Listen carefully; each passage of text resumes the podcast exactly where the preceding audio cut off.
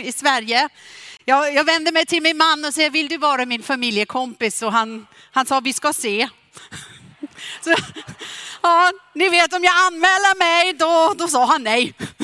Ja, men vad härligt, hörni. Idag ska vi prata om Guds plan för ditt liv.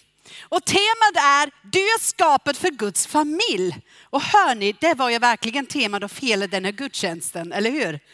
Guds familj. Familjekompis, det passar precis in i det. Att välsigna barnen, det var jag välkomnade dem in i familjen och se de familjer. Alltså det är ju Guds plan. Guds familj, då bultar Guds hjärta lite extra. Hebreerbrevet kapitel 2, 10 och den första delen. Kan ni läsa det med mig om ni kan läsa det, om det inte är för smått. Det står det så här.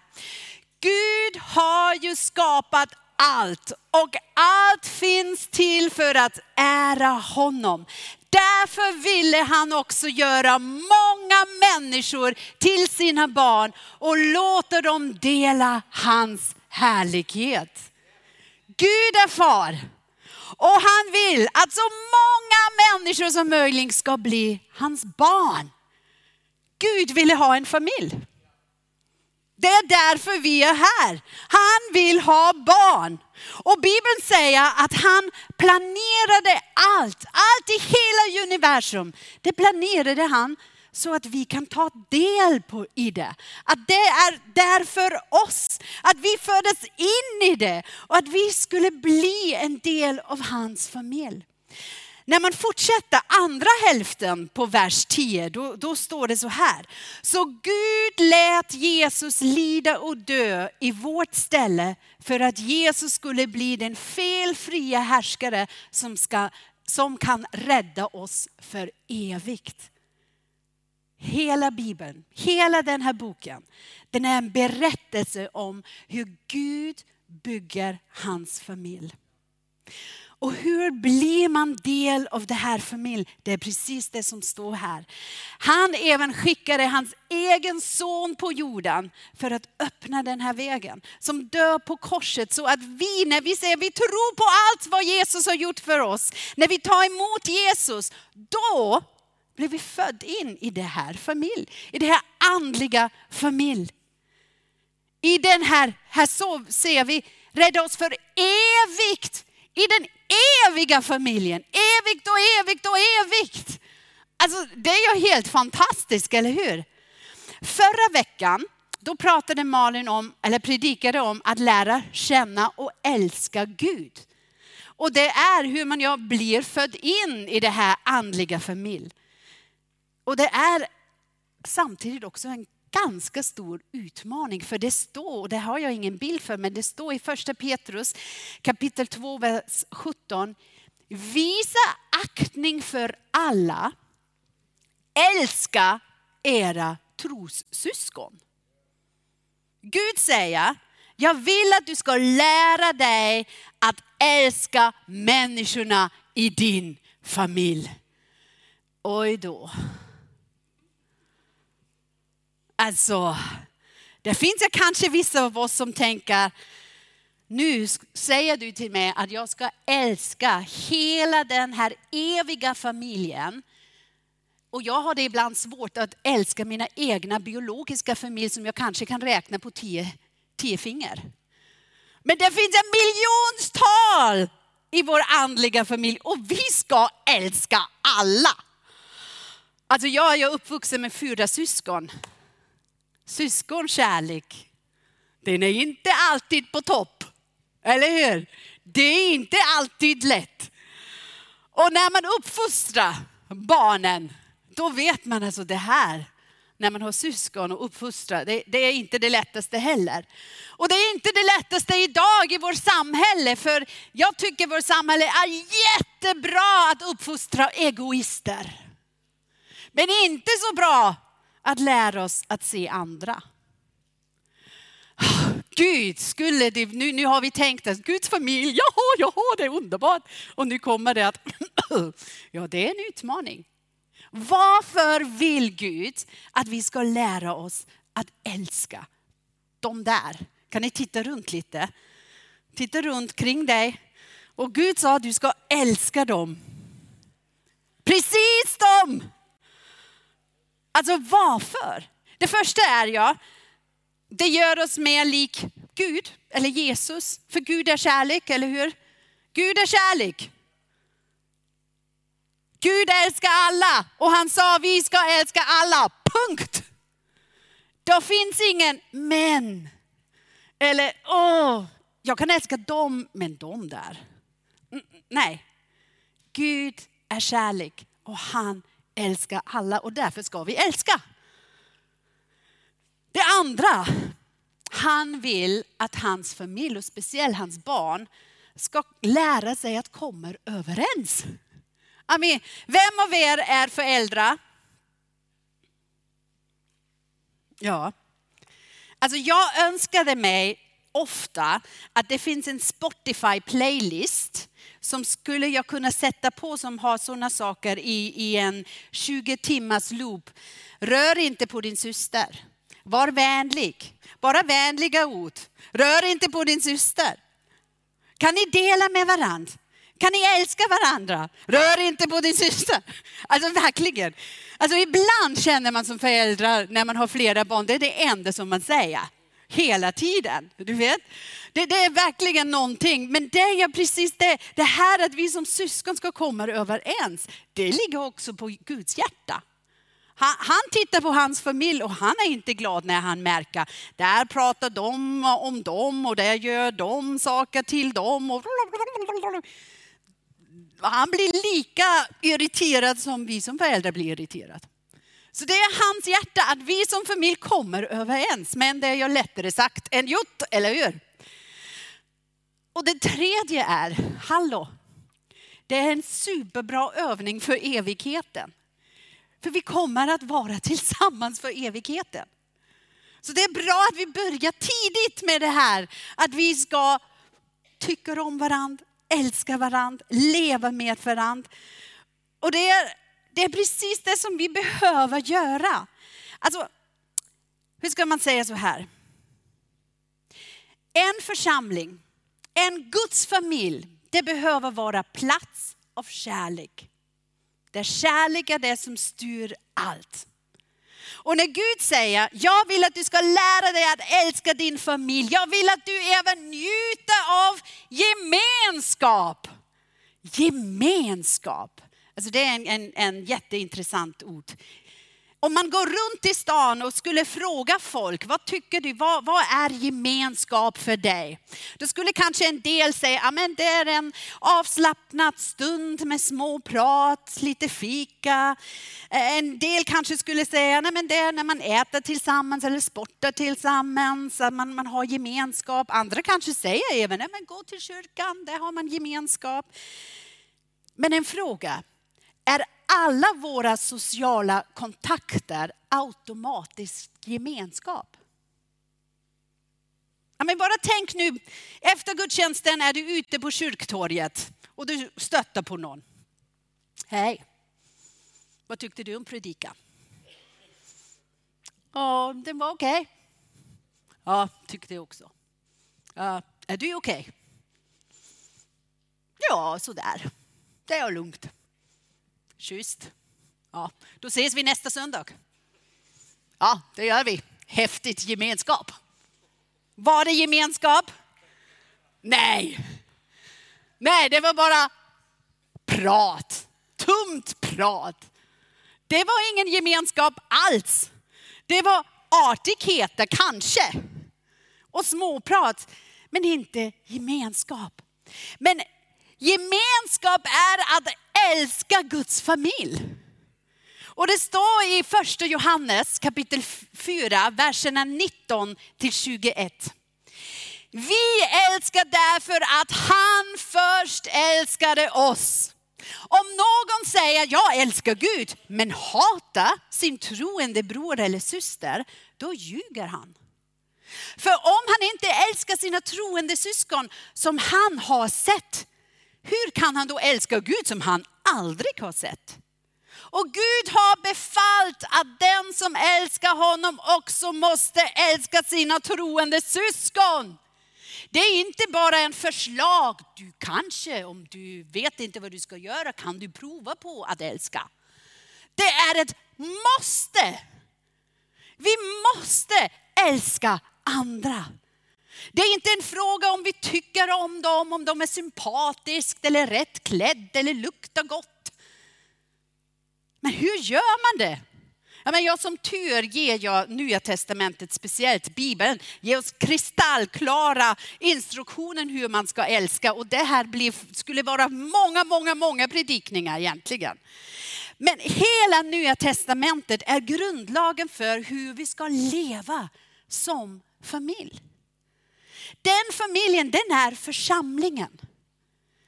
Det vet man, ibland säger man kyrka, men jag tänker kyrka det är ibland för många bara en byggnad. Men därför tycker jag om ordet församling. Man, man samlas. Man är där för att samlas. Och det är så mycket mer. Det, för, för det är så här att församlingen, det är inte en byggnad. Det är inte en institution, det är inte en organisation, det är absolut inte en klubb. Den är familj.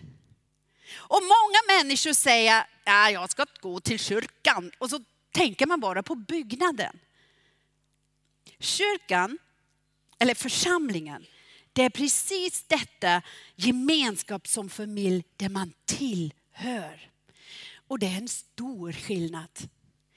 Det är mer, även, alltså det är mer än en byggnad eller även än en gudstjänst.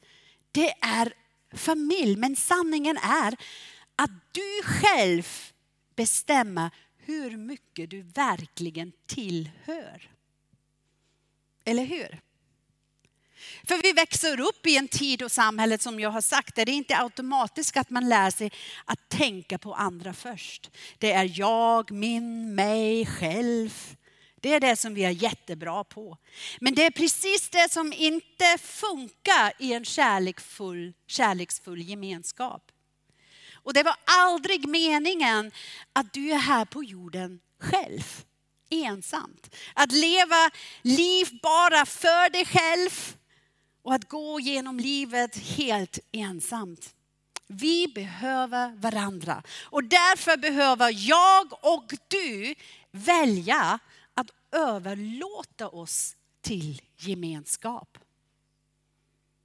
Och jag tror att det finns olika nivåer av hur mycket man kan överlåta sig till gemenskapen. Den första nivån, det är helt enkelt är att välja att tillhöra en gemenskap. Att göra valet, ja men här, ja, här tillhör jag. Det är den mest grundläggande nivån av gemenskap. Det betyder att du, för exempel, att du hittar en församling, en andlig familj och du väljer, ja, verkligen, du väljer att säga här, här är min plats, här är min hem, här är min andlig familj. Du behöver inte ens skriva, fylla in ett formulär först och säga ja, det är jag, här är mitt CV eh, och allt möjligt. Nej, det är någonting som du får välja helt enkelt. Och i Bibeln står det så här i Efesierbrevet 2, vers 19. Alltså är ni än inte längre gäster och främlingar. Nej, ni får vara Guds eget folk tillsammans med alla som tillhör Gud. Ni är medlemmar i Guds stora familj. Ni hör hemma. Det kristna livet, det är inte enbart om, om frågor om tro eller teologi. Det är en fråga om att tillhöra. Och du och jag måste välja att tillhöra. Så gemenskap börjar med att höra till. Med att göra det här valet. Gud vill att du identifierar dig med hans familj. När du föds biologiskt, då tillhörde du automatiskt en familj. Du fick inte frågan om, du vill byta där på sjukhuset. Om du tyckte kanske att de här, den här pappa ser lite snyggare ut. Nej, det var gjort. Det här valet gjorts av någon annan. Men att tillhöra i Guds familj och tillhör till en församling, då får du välja. Men du måste tillhöra någonstans. Det är ett val. Det är också ett val av medlemskap faktiskt. Ni vet, man hör en del människor säga så här, ah, jag, jag är kristen, men, men jag vill inte tillhöra någon kyrka eller församling. Men det är helt enkelt inte logiskt och då läser man inte Bibeln när man säger det. För församlingen är precis den plats där man lever ut vad det innebär att vara kristen. Där man växer. Det är så som, som en fotbollsspelare skulle säga så här, ja jag är jättebra om, om, om vad heter han, Rodil, Tack så mycket, du vet, då vet ni hur mycket jag är intresserad. Ronaldo! Ja precis. Ronaldo, om Ronaldo säger yes, jag spelar fotboll, men jag vill inte tillhöra ett lag. Och jag vill inte ha någon annan där på fotbollsplanen för jag är kung. Kan han spela själv? Absolut inte. Det skulle vara detsamma om en dirigent säger, jag är bästa dirigenten, men jag behöver inte musiker. Och då står han här. Blir det någonting? Nej. Eller om en bi skulle säga, jag vill vara bi men jag behöver ingen kop, kopa. Funkar inte. Gud vill att vi ska vara del av en familj. Att vi väljer hans barn som mina syskon, som min familj. Och därför är det så självklart att man tillhör tillsammans, att man stöttar varandra. Alltså det är till exempel självklart för oss. Vi hade 30 år en vänförsamling i Ukraina i Lviv. När de har nöd är det absolut 100% självklart att vi står upp för dem och hjälper dem. Utan tvekan. Och du vet nu på lördag, då finns det en manifestation på Fristadstorget för det är tyvärr ett år redan som har gått att det efter det här anfall mot Ukraina. Och där vill vi stå tillsammans som familj och stötta dem. Och det var flera från vår församling som kommer att sjunga, Sergio och hans fru kommer att sjunga och Lena kommer att tala och Allan kommer att tala. Och vi är där som familj. Eller det är självklart som familj att man hjälper för varandra. Till exempel nu i onsdag så samlade vi in extra pengar för Matthew, pastorn från Uganda som var här för en månad sedan. Han hörde av sig och sa det brann i hans by och 18 hyttor brann ner. Och nu vill de som församling där hjälpa. Och då är det självklart att vi hjälper vår familj. Och det är självklart att, att här i vår församling finns människor som brottas med mycket. Med sjukdom, eller med, med, med psykisk ohälsa, eller med beroende som man faller alltid. Och vi är där och vi bara säger, här finns nåd, här finns barmhärtighet, här finns kärlek. Det är självklart. För när man bestämmer sig att jag tillhör, då får man det här. Man, man får den här kärleken, man får det här hopp. Vet ni när Kalle och jag blev kär i varandra, då var det oerhört viktigt för mig att han lärde känna min familj. Först och allt min pappa, och det var lite skrämmande. För Kalle och för mig, för min pappa är sträng. Mm. Men alltså, det var inte bara min mamma och pappa, nej mina fyra syskon, mina tolv fastrar och farbröder och moster och morbror, mina 15 kusiner och deras barn. Kalle känner dem alla. Och de ville lära känna honom. Jag märkte jag första gången han var med på en släktträff hur de alla bara checkade ut om han var tillräckligt bra för mig. Men du vet, han bara, han gick fram, han skakade hand, han säger här är jag, han, han försökte prata tyska. Det var lite andra världskrigstyska som han lärde sig. Men eh, det var vissa saker, ja. Men han var med, han valde för, jag vill bli del av den familj. För det är viktigt förut. Det var oerhört viktigt. Och när vi gifte oss så var det ju precis min familj och hans familj som kom och som bevittnade vår bröllop. Den här juridiska och socialt sanktionerat sammanslutning av en man och en kvinna. Men, men det är viktigt att det sked, skedde också framför min familj för de var ju del av det. Och vet ni, det är också lite grann som man tänker när man tänker på församlingen. För vi är Jesu brud, står det. Kristi brud. Det står så i Bibeln. Och eftersom Jesus älskar församlingen, denna grupp av troende som växer tillsammans, måste du och jag också ha samma slags kärlek till denna gemenskap genom att bestämma oss att tillhöra. Det finns en symbol för detta, den kallas dop. Dopet är bilden av att vi hör samman i Kristi kropp. Det är lite grann som, som min vigselring. Vem av er har en vigselring? Ja, det är ju inte bara en ring, för det är inte automatiskt att vilken ring som helst gör det till gift. Men det är en ring som min man, hur säger man, stoppade på min, stoppade på min finger. Eller vad är ordet? Gav mig. Ja, det blev jag vigselring. Och med den ringen så visste ju alla, Rutet Hagen. Ja, och jag tillhör Kalle. Det är bra att jag inte glömmer så står det även hans namn i min ring. Det är lite konstigt, eller hur? Ja. Men det är också vad dopet är. På dopet säger vi, jag tillhör Jesus, men också jag tillhör den här stora familjen. Jag skäms inte. Jag kan visa upp det för alla. Att jag går ner där i vatten, blir blöt och ser lite lustigt ut. Men det gör jag som ett tecken, som en symbol att visa, jag är med. Och jag kommer ihåg den här dagen där jag gjorde det som 16-åring. Det var en stor dag för mig. Och därför är det också för oss viktigt i Pingstkyrkan att vi döper de som gör sitt egen beslut att göra det. När vi välsignade bebisar idag, då gjorde vi det för det står så i Bibeln att alla, alla barn ska bli välsignat.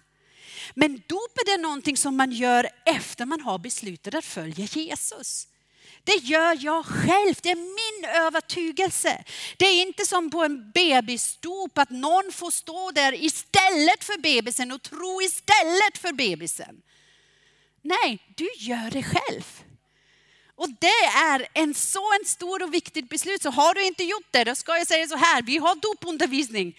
Och den, den har startat i tisdags, men det är inte för sent att hoppa på och ställa alla dina frågor om dopet.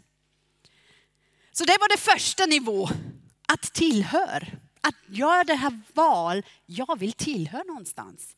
Det andra nivån är att välja att överlåta sig till gemenskapen. Överlåter sig. Lite gammalt ord. Vad betyder det? Ja, men det är lite djupare. Nej, men gå lite längre in i Guds familj. Och detta är att lära sig att dela med sig. Att öppna upp. Vi kan också säga att det kanske är vänskapen, eller hur? Att det är inte bara en familj, men de är också mina vänner. Du skapades till Guds avbild, så du är skapad för relationer. Och Bibeln säger att det är inte bra för människan att vara ensam. Med andra ord är vi skapade för varandra. Livet är inte en soloakt och du behöver vänner. Bibeln säger detta i Apostelgärningarna 2, verser 44 till 47. Alla de troende var ständigt tillsammans och hade allt gemensamt. De sålde allt vad de ägde och delade med sig till varandra, allt efter vars och ens behov. Varje dag möttes de i templet och i hemmen samlades de för att bryta bröd och äta tillsammans. Deras glädje och tacksamhet visste inga gränser och de hyllade ständigt Gud. De var omtyckta av hela folket och varje dag lät Herren Jesus deras grupp växa genom att fler och fler blev räddade. Halleluja och samtidigt, vad kommer hon att säga nu? Eller hur? Vad ska jag dela med mig och sälja och allt möjligt? Men, stryk under två ord här. Tillsammans och dela med sig. Det är de två saker. För det första kan du inte utveckla vänskap utan att träffas tillsammans, ha tid med varandra. Och för det andra det här att utveckla verkligen en djupt vänskapsrelation, då behöver man dela med sig och öppna upp. Ju oftare man träffas, desto närmare kommer man varandra. Känner du människor som har riktigt djupa vänskapsband med någon annan? För 20, 30 eller 40 år. Är det någon här som kan säga, jag har en så en vän minst 10, 20, 30 eller 40 år? Jag har en sån. Jag har precis varit i kontakt över WhatsApp för hon bor i Innsbruck. Vi, vi träffades varandra när vi var 13 år och båda var jättefrustrerade med killar. Det var det som, ja. Och sen dess så skrev vi brev. Jag har två permer full av brev som hon skrev. Och vi, vi har aldrig bott i samma stad. Aldrig.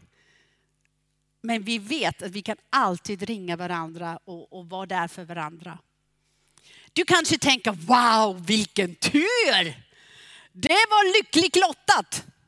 Man blir lite avundsjuk när man hör sådana saker. Vilken tur de har att ha sådana djupa vänner. Och då kan jag säga så här, det är inte alls tur. Det här är ett val. Det här är att investera i en vänskap.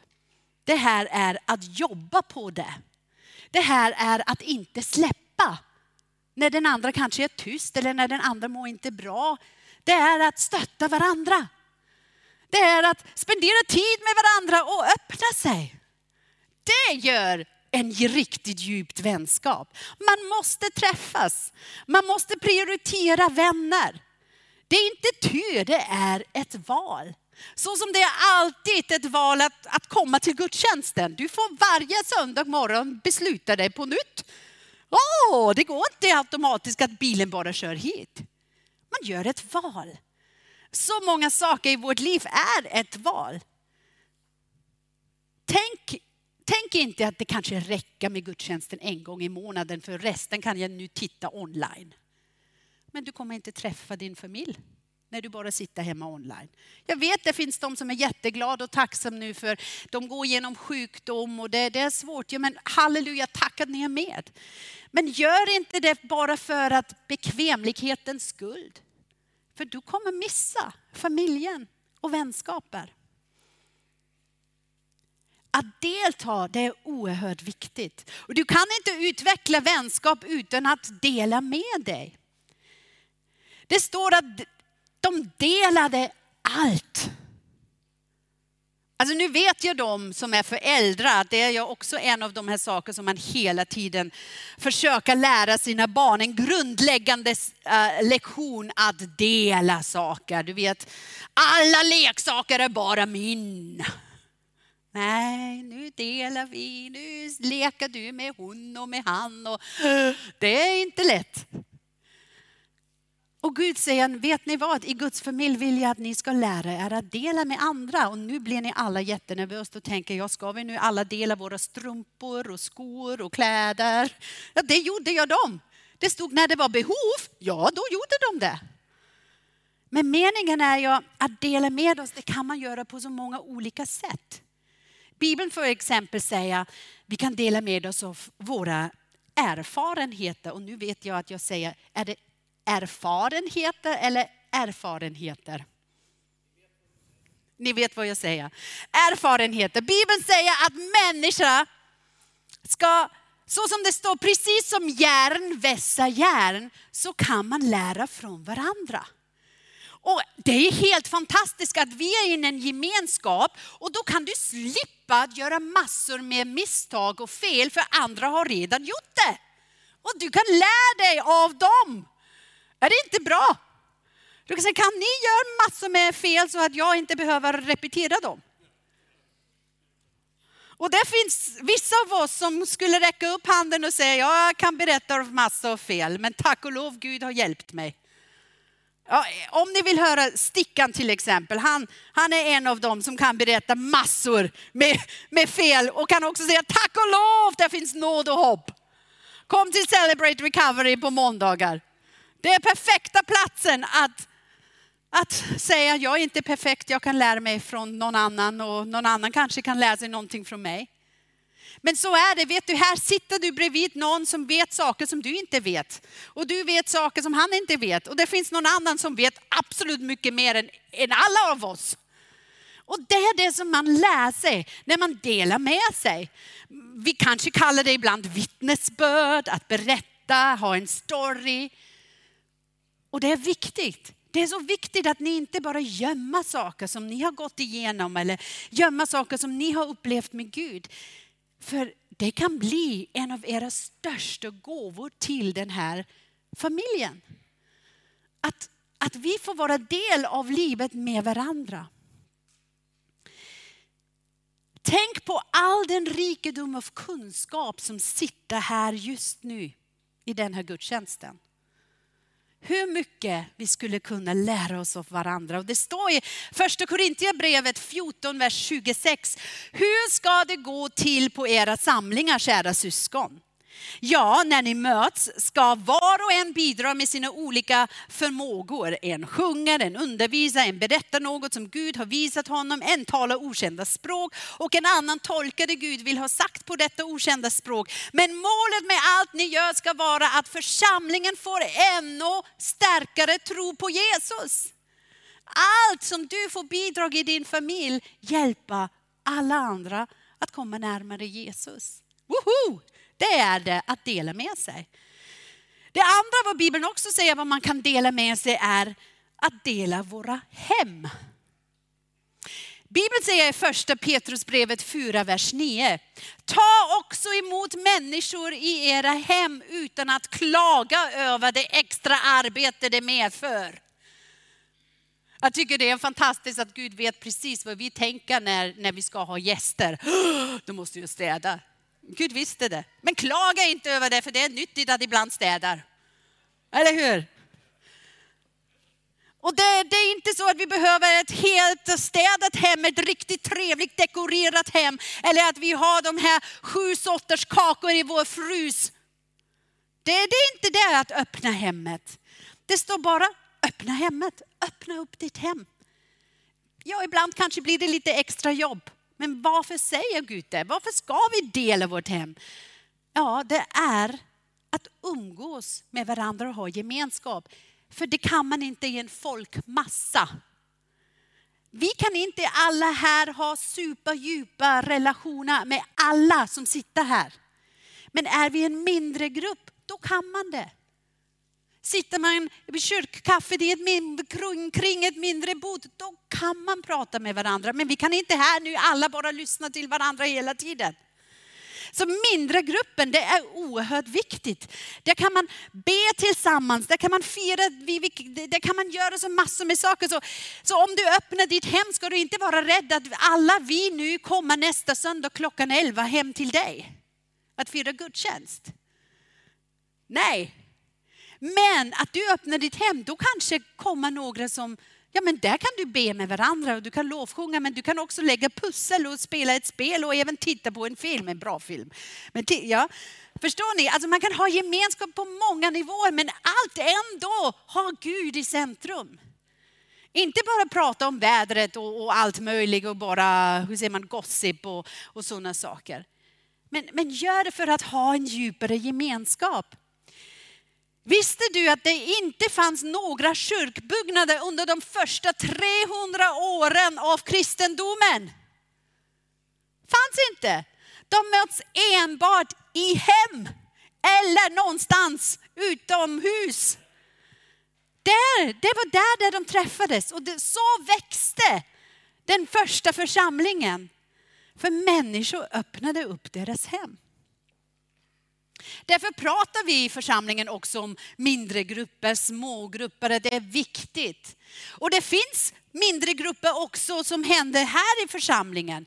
Som jag sagt, Celebrate Recovery på måndagar. Eller nu har vi alfagrupper på, på tisdagar och på söndag. Vi har unga vuxna, vi har Alive, vi har spanska gruppen, eritreanska, äh, etiopisk grupp, farsi-talade grupp. Vi har LP-vänner som träffas i mindre grupper. Alltså det är jag fullt. Och så har vi över det minst en 20-tal smågrupper som träffar sig i ett hem eller kanske går på en promenad.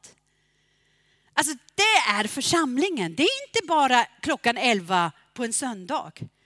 Nu skulle jag vara intresserad. Kan ni räcka upp handen om du träffar någon av de här grupperna som jag nämnde utöver en söndag förmiddag? Om det är nu mindre grupper här på plats, här i kyrkan eller i ett hem. Vem av er är med i så en grupp? Det är spanska gruppen, eritreanska gruppen, alla, alla, alla, alla, händer upp, händer upp, händer upp. Ja, all right. Det är många men inte alla. Ah, då är det någonting som du ska tänka efter. Var har jag min mindre grupp här i församlingen? Det kan vara sport, Sport for Life i Eskilstuna har tre grupper tror jag. Löpning och allt möjligt, gå till Albert. Det finns massor med olika sätt att ha små grupper. Så du kommer att hitta någonting. Jag vet att vi har en, en egen grupp som jobbar med smågrupper. Så om ni vill vara del av en grupp, bara hör av er till oss. Vi hjälper. Men vet ni, det är också så här den, den eh, 6 mars. Då finns det en, en som heter intresserad av smågrupper. För vi let, letar alltid efter dem som vill leda en smågrupp eller sammankalla eller öppna sitt hem. Är du intresserad, då kom till den 6 mars. Och du kan anmäla dig, men du kan också bara dyka upp. Men anmäl dig. Precis. Jag är säker att de som är, äh, raised their hands, lyfte deras händer, de tänkte kanske för första gången, det är lite läskigt att gå dit. Tänk om jag inte gillar dem eller de inte gillar mig. Eller, eller oh, får jag verkligen göra sådana saker? Och, och, och, man blir lite nervös. Men vet ni vad? Det ska du inte vara. För du, du är ju del av familjen. Du, du är inte en främling. Du är del av familjen. Det, det är som ett släktträff. Alltså, jag vet inte om du kanske är nervös när du går till en släktträff, då tänker du inte så. Men jag är inte nervös när jag går till en släktträff. Men vad som händer i släktträffen när jag går till min släkt, då kan det hända att jag också behöver diska och dammsuga. För jag, jag är inte främling längre, jag är familj och behövs det någonting att göra, då gör man det. Jag kommer ihåg när Kalle och jag, när vi äh, bodde i Wien som nygift i en små eller liten lägenhet, då startade vi en eh, smågrupp för unga vuxna. Och den växte oerhört snabbt. Den växte så snabbt att vi var 30 pers. Och då betyder det att varje torsdag innan vår smågrupp behövde vi bära ut hälften av våra eh, vardagsrumsmöbler för att alla de kan sitta. Och så satt, satt de ändå på marken, på golvet och även i köket ute. Och, och, och alltså det var, boom, sådär. Men det var helt fantastiskt att dela livet. Jag vet, de även satt i vår bokhylla, vi hade en bred bokhylla. Och jag vet att jag flera gånger så, så hittade jag saftglas efter fyra dagar efter vår eh, hemgrupp. Den var inte så smaklig längre. Men alltså det var alltid lite kaos. Men det var härligt. Och så småningom så delade vi vår smågrupp och så hade vi tre smågrupper. Inte alla i vårt hem, tack. Det var andra som också gjorde det. Men det är familj, dela hemmet. Så det var den andra nivån. Att överlåta sig, att dela med sig. Och den tredje nivån det är att också välja att ta ansvar i gemenskapen. Och då är vi nu på en partnerskap. Partnerskap innebär att, gör, att jag gör min del. Partnerskap är att inse och göra min del och för att jag har ett bidrag att ge. Jag är inte bara ett litet barn längre i min familj. Jag tar ansvar. Jag gör någonting för andra. Lyssna, församlingen är inte för att sitta och njuta av något andligt spa eller en wellnessbehandling. Ibland kanske finns sådana tider i vårt liv där vi behöver lite mer ompussling, mer vilande. Och då är det precis bra att du kan få det. Men de här faserna går också över. Och det som du har lärt dig i de här faserna, det är nu ditt ansvar att ge det vidare till andra och hjälpa andra när du har fått hjälp. Det här att ta ansvar. Gud vill göra skillnad genom ditt liv och precis som i varje familj finns det familjeansvar. Jag vet att Kalle berättade att hans mamma, när mamman uppfostrade honom, då var det inte att Kalle hjälpte i familjen med sysslor. Nej, nej, nej. Han bidrar. För? Han tog del, för det var hans familj också. Det var inte att han bara hjälpte till lite grann. Och, och det är det som vi kanske måste byta lite i våra tankar. Det är inte här bara att jag kan hjälpa till lite grann när det kanske passar någon gång. Nej, du är del av det här. Det är din familj. Därför behöver du ta ansvar och bidra. Faktum är att Bibeln är fylld av att vi ska samarbeta.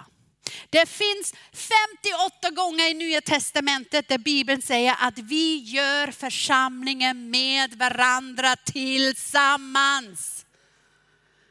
Det är inte en solo-grej, en församling. Det är familj och då gör man saker tillsammans. Är du medlem i församlingen då är det jätteviktigt att du förstår att du får ta beslut för församlingen. Vi har ju någonting som heter församlingsmöte, som är som ett medlemskapsmöte.